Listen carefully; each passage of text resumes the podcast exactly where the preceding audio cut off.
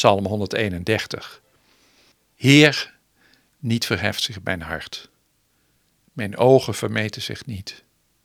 Ik begeef mij niet in wat te groot is voor mij. Te wonderbaarlijk. Nee, bedaren liet ik, verstillen mijn ziel. Als een kind bij zijn moeder geborgen. Als dat kind, zo voel ik mijn ziel. Dat Israël wachtte de Heer. Van thans tot in eeuwigheid. Ja, dat is een psalm. Ehm, waarom vind ik hem zo mooi? Nou ja, omdat natuurlijk mijn leven ehm, toch heel erg in teken heeft gestaan van carrière maken, denk ik. Uh, hoogleraar worden enzovoort. Je moet enorm presteren. Ik heb klinisch gewerkt in een ziekenhuis, uh, zeker academisch ziekenhuis, moet je, moet je enorm presteren, grootste dingen doen. Je bent met allemaal nieuwe ontwikkelingen bezig.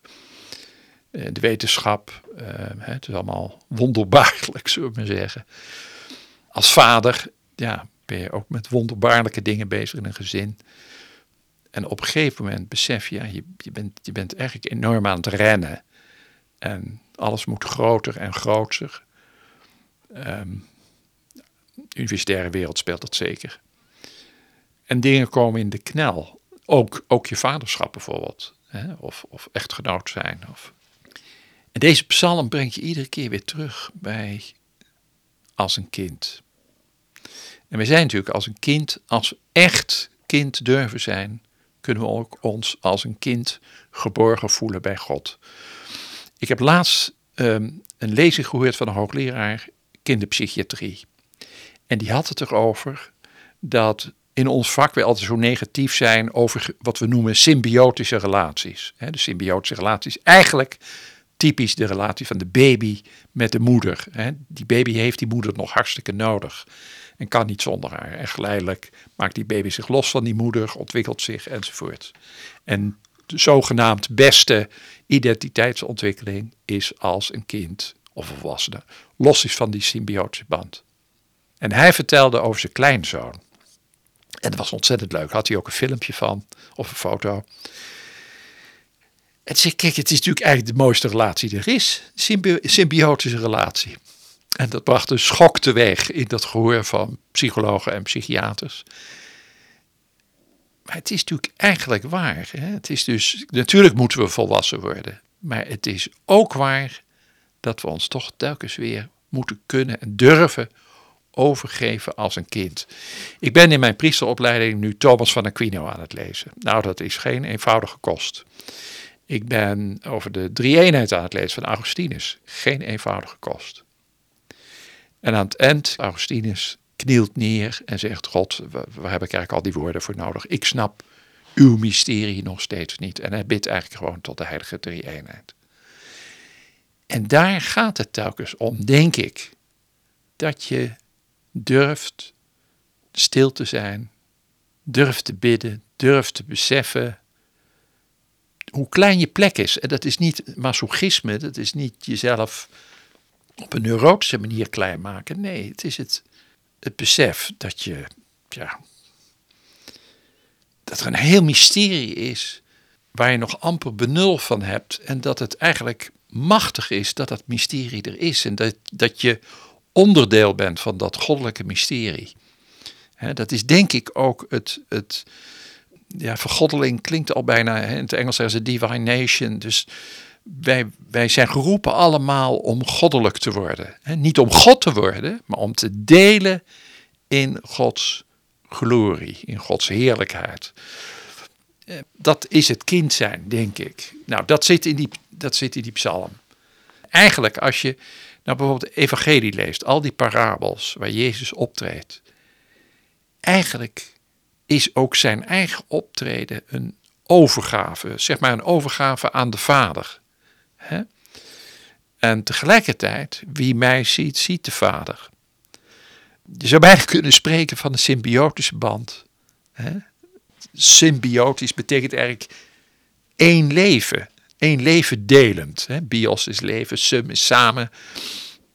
Delend in dat leven. En dat leven deelt hij eigenlijk uit aan die arme sloebers, uh, zondaars, uh, pooiers, uh, prostituees, zwervers, huigelaars, belastingontduikers, criminelen die hij ontmoet op de, in de straten van Jeruzalem en daarbuiten. En zij geven zich over en hij geeft zich over, zou je kunnen zeggen.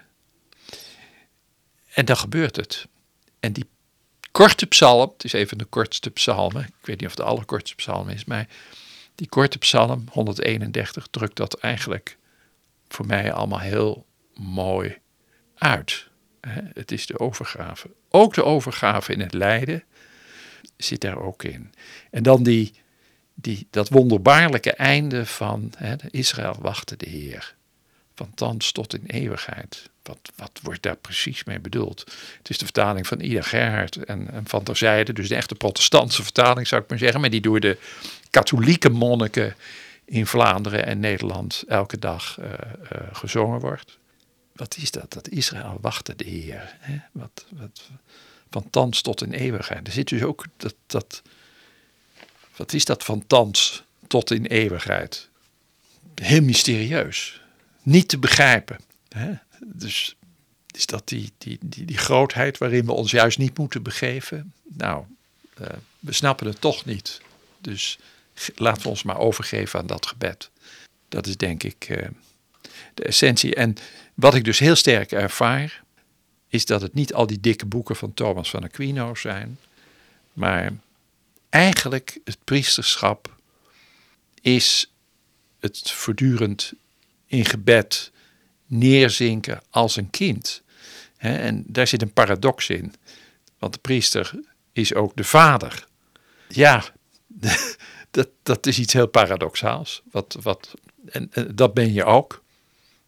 Ik denk dus dat je alleen maar die, die, vader, die vader kan zijn, überhaupt christen kan zijn, als je je dus ook in gebed over kan geven als dat kind. En je in, in het gebed ook geborgen voelt bij God.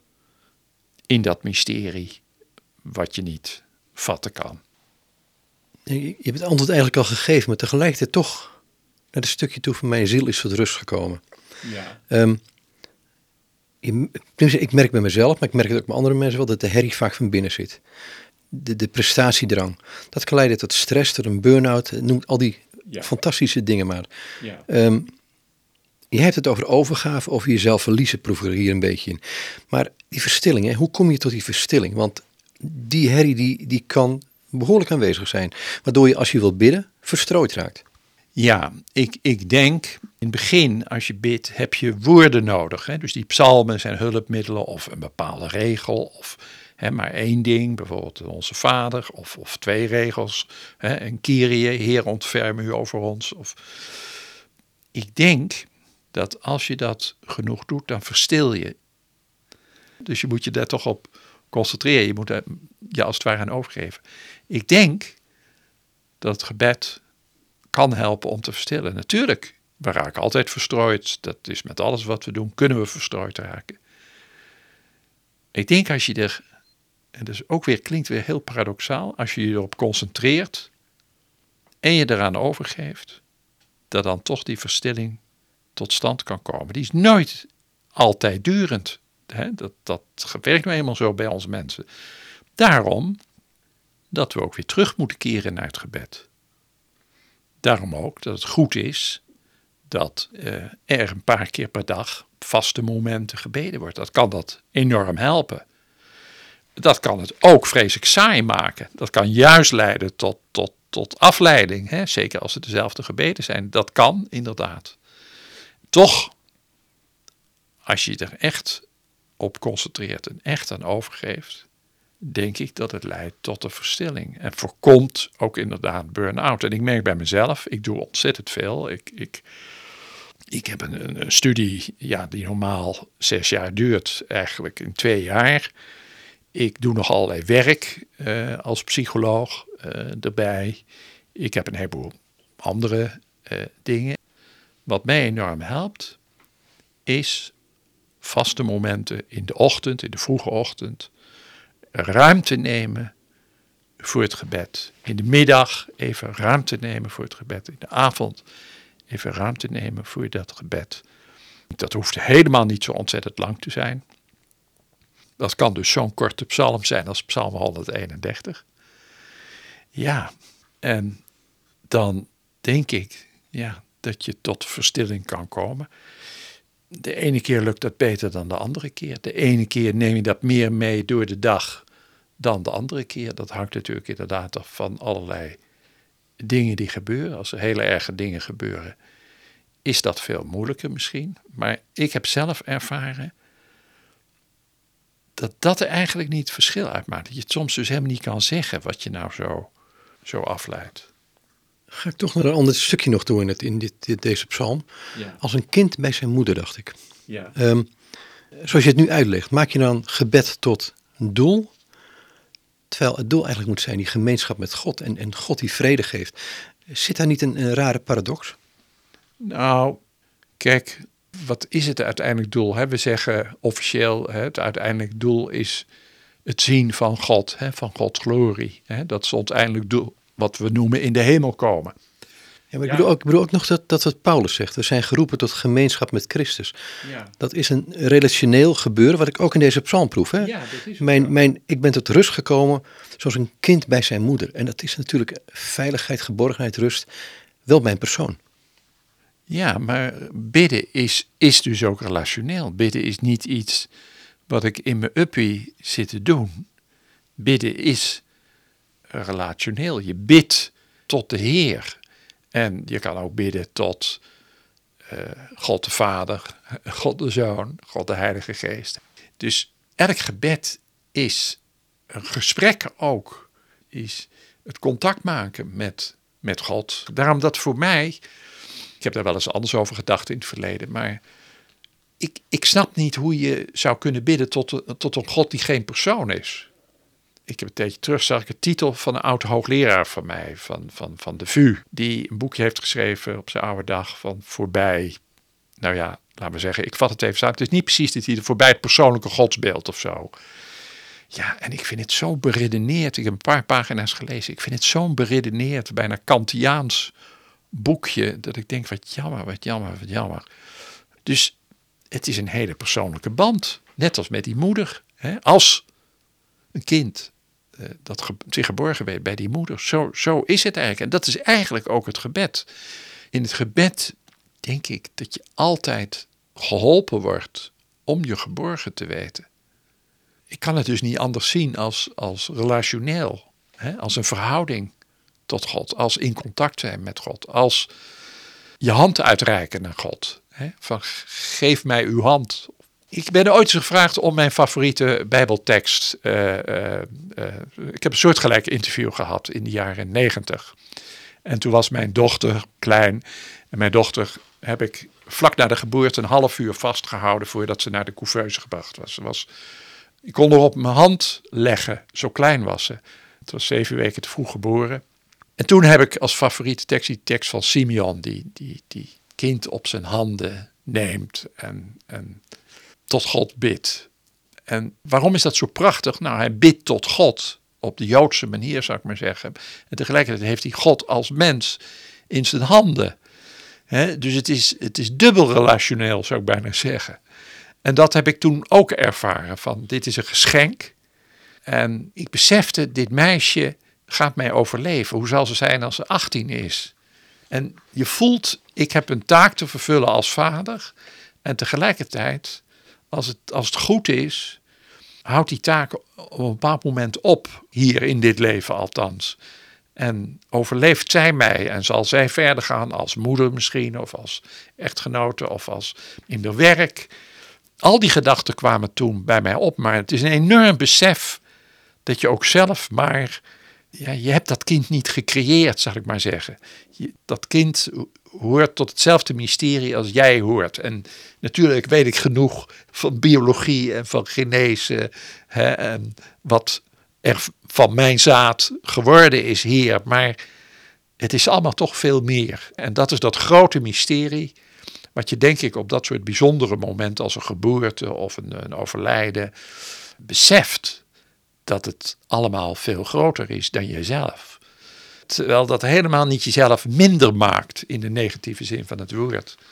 Maar je bent zelf ook, net als dat kind wat je in je handen hebt, je bent zelf ook een kind dat geborgen is. En zo'n kind op je handen houden, zonder dat je letterlijk met woorden aan het bidden bent, is als het ware ook al een gebed.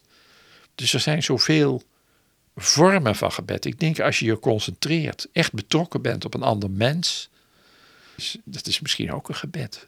Maar het is ten diepste je geborgen weten. Die, die, die, die veiligheid die je nu zegt, dat, dat, die dochter die jij in handen hield, zo ben jij in de handen van een God aan wie jij je toevertrouwt. Ja, ja. Dus het is, het is ehm, ja, ik denk dat dat, dat, dat het is. En ehm, nou ja, dat zit allemaal in deze kleine, korte psalm. Hè. Kun je nagaan een rijke psalm dat is, dat we daar nu al uh, zoveel minuten over aan het praten zijn. En dat dat zo ontzettend veel rijkdom oproept. Ik dank je wel. Ja, dank je wel.